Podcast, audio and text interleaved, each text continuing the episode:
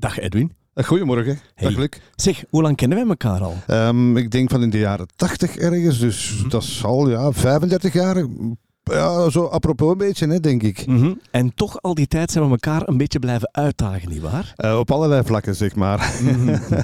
en dat bracht ons bij het nieuwe idee om Ja. elkaar af en toe eens een liedje te tippen. Dat kan verschillende waarden hebben, maar de andere weet niet wat dat de ene ervan vindt. Nee, dat is het leuke, omdat we, eh, we spreken altijd over muziek natuurlijk. En, en, en eh, we hebben al jarenlang DJ's geweest. En sommige mensen vinden, ja, dat vind ik een kei leuk liedje. En anderen zeggen van, bah, nee, dat vind ik niks. En dat is een beetje onze bedoeling, denk Mhm. ik. Hè? Dat we ze naar elkaar toe eh toefluisteren van, ik vind dat kei goed liedje. Eh, waarom? En, en, en het zoeken naar het waarom. Ja, Of het waarom niet. Inderdaad, inderdaad. Dat kan dus al van alles zijn. Dat kan eh, over het verhaal gaan, dat kan over de muziek zelf gaan. En we steken het in een podcast. En bij een podcast hangt natuurlijk ook een tuentje bij. En we stellen meteen onze intro-tune voor. Voilà.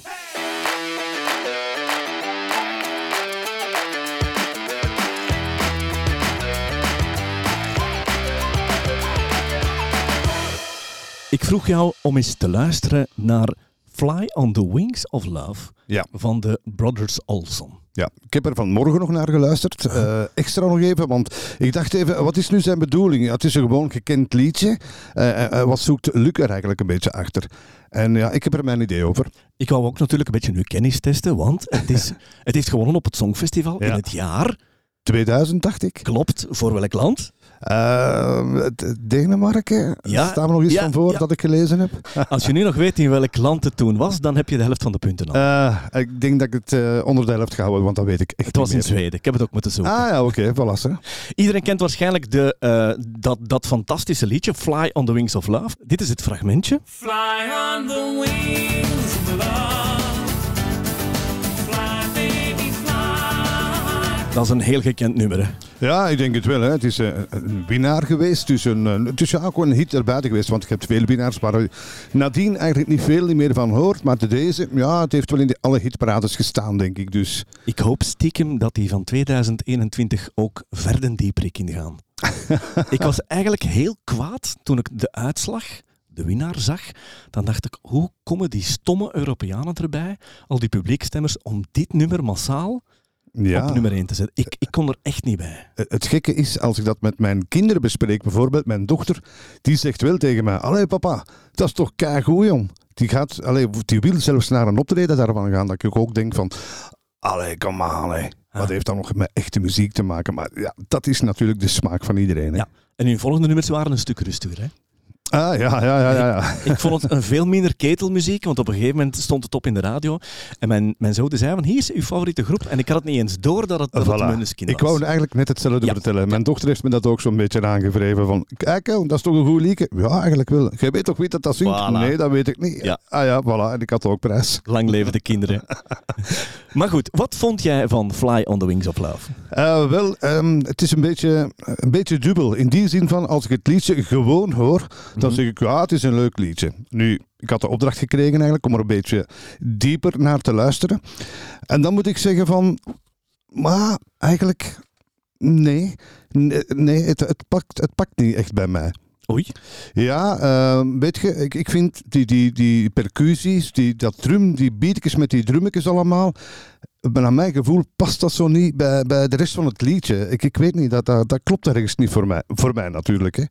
En dan had ik zoiets van, nee, als ik er wat dieper naar luister en ik luister er heel intens naar, nee, nee dan, dan spreekt het mij niet echt aan. Allee. Op de achtergrond wel, maar niet als ik er echt wil naar luisteren. Fijn. Ja, ja, ja, ik weet het niet. Ja. Eh, en daarom begon ik mij een beetje af te vragen, eh, waarom heeft Luc dat eigenlijk gekozen? Want wat, wat is er dat hem daarin aantrekt? Dat heeft voor mij een zeer bijzondere waarde. Ik noem het zelfs een, een, een positief trauma. Een, een anker wordt dat wel eens een keer genoemd in, in, Ja. de, in de NLP. Hè. En voor mij, ik, ik maakte een eh, theatertournee in 2010 als acteur. ehm, een psychologisch drama. En onze technieker wist dat ik dit nummerke graag hoorde.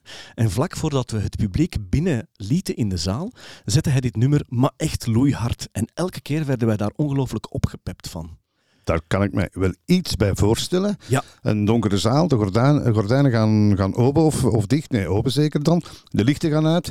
En dan ja, die drums, hè, dat eh, percussiewerk. Ja. Kan ik me wel voorstellen dat het zoiets heeft van, oh, oh, eh, het gaat hier gebeuren. Ja. Maar dat maakt voor mij nog niet het nummertje? Ah wel, eh, ik wist het ook niet. En ik ben gaan zoeken, ik heb eigenlijk jarenlang gezocht, gezocht naar waarom raakt dit nummer mij. Ja, het was voor de eerste keer in mijn leven dat ik autotune hoorde.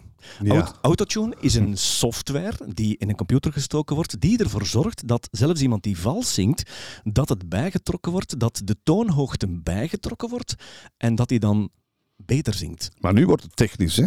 Dat is inderdaad heel technisch. Maar gevoelsmatig dacht ik van, hé, hey, maar dat klinkt zo gek. Hoe hebben ze dat toch gedaan? Ik wil even die autotune laten horen. Je kan dat heel goed horen dat de toonhoogte klipt. Ik noem dat klippen. Die verandert onnatuurlijk van toonhoogte. Luister maar eens. Fly on the wings of love. Hoor je dat klippen? Ja, Fly, baby, fly. Voilà. In de fly hoor je het. Daar hoor je het heel goed. Hè? Ik denk, om het een beetje duidelijk te maken, het, het, het springt precies. Hè? Inderdaad. En de dag van vandaag is dat heel standaard. Hè? Want als je dan gaat kijken, dat T-Pain, I Like That, is een van de bekendste nummers. Cher zingt het Ja, in ja, Harm ja, ja. Belief. Daar Heel wordt in bekend. Amerika mee gelachen natuurlijk. Hè? Ehm, iedereen doet het zo'n beetje, zelfs Kanye West die gebruikt dat. Dus het is vandaag een standaard om dat in uw muziek te steken. Maar dat is niet de reden waarom ik het zo goed vond, want er moest iets meer zijn. Ik heb me dan afgevraagd, is het die halve toon hoger op het einde? Want na dit stukje autotune dat je net gehoord hebt, wordt die halve toon verhoogd. Een halve toon, dat is als je op een piano van een witte toets naar een zwarte toets gaat. Ja, het wordt duidelijk. Ja? Dus dat is, dat is een zeer lage, of een heer, de, de, de meest kleine verhoging van toon. K3 gebruikt dat ook. Hè? Ah ja? Dat is om eh, op het nummer zo nog een extra push te geven, alsof dat je nog een beetje gas bijgeeft. Ja, ja ik, In- ik kan wel volgen, maar In heel veel nummers wordt dat toegepast, maar dat was het ook niet. Uiteindelijk ben ik erachter gekomen. Ik heb bij eh, muzikanten gaan horen van hoe komt dat dat nummer zo goed is.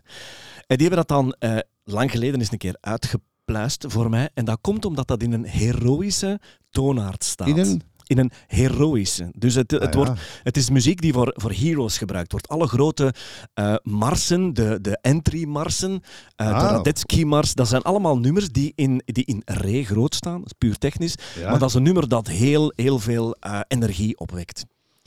Dat is het verschil tussen jou en mij, denk ik.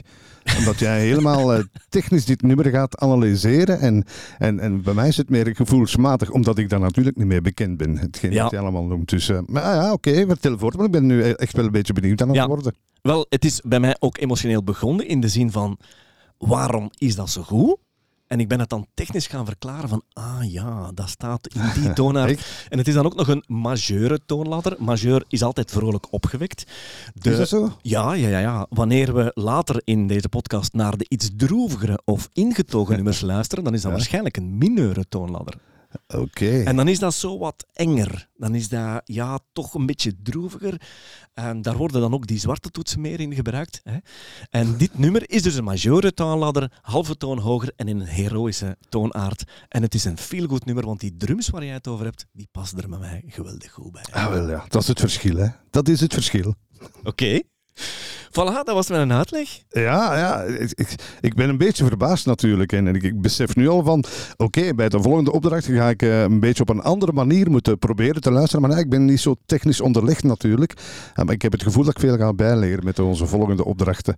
Ehm, Ik ben benieuwd. maar het verbaast me wel een beetje, hoe zit het dan gevoelsmatig, Luc? Als je dat allemaal achterwege laten, dat technisch, eh, je luistert naar, dat, naar dit liedje, puur gevoelsmatig, wat zegt het dan voor u? Voor mij is dat een ras-echte, wat dat ik noem, een mood booster. Oké, oké. Als ik slecht gezind ben en ik zet dit nummer onder andere op, ik heb een lijst van zulke nummers, ja, daar word ik vrolijk van. Oké. Ik, ik, ik- ja, ik kan u volgen. Maar eh, ja, ja, ja. het wordt nu moeilijk voor mij om te zeggen nee.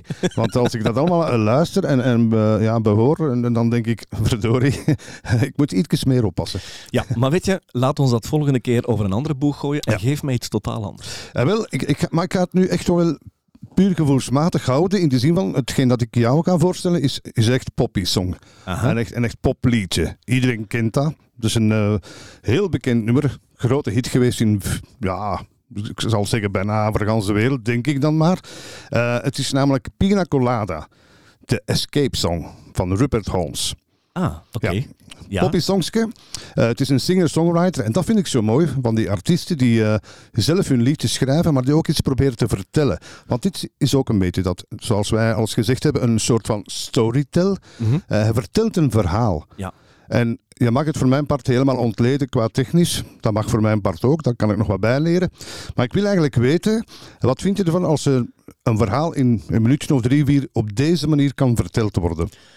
Want als je naar de kern van het verhaal gaat luisteren, het waarom, wat zit erachter, dan vind ik daar een heel mooi verhaal in eigenlijk. Dat heel kenmerkend is voor iedereen. Ja, eh, wel, ik ga zeer verrast zijn om dat te mogen ontdekken, want als we dit nummer textueel gaan ontleden, Ja. ik heb daar wel een beetje poëzie in gevonden, of ik noem dat poëzie, als iemand zegt in de zomernachten, wanneer de, man de maan helder schijnt, voel ik eeuwige liefde. Dat klinkt voor mij een beetje poëtisch. Ja, ja. In the summer nights when the moon shines bright, feeling love forever. En dan gaat hij nog de sterren plukken en de, en, en de, de, de lucht aanraken. Let's touch the sky. Maar verder dan dat ben ik textueel niet Ja. gekomen. Dus ik kijk er wel naar uit als ik zo een story... Ja, het is geen poëzie, hè? Nee, De- de- deze Pina Colada Song. Maar het is gewoon een verhaal vertellen in enkele minuten. Een verhaal dat, dat klopt. Mhm. Dat je in verschillende stroven hebt en het volgt elkaar op en het klopt gewoon weg. Ja. Dat vind ik leuk daaraan. Ik ben benieuwd. Laat ons afsluiten met Fly on the Wings of Love. Tot volgende Prima. week. Dag.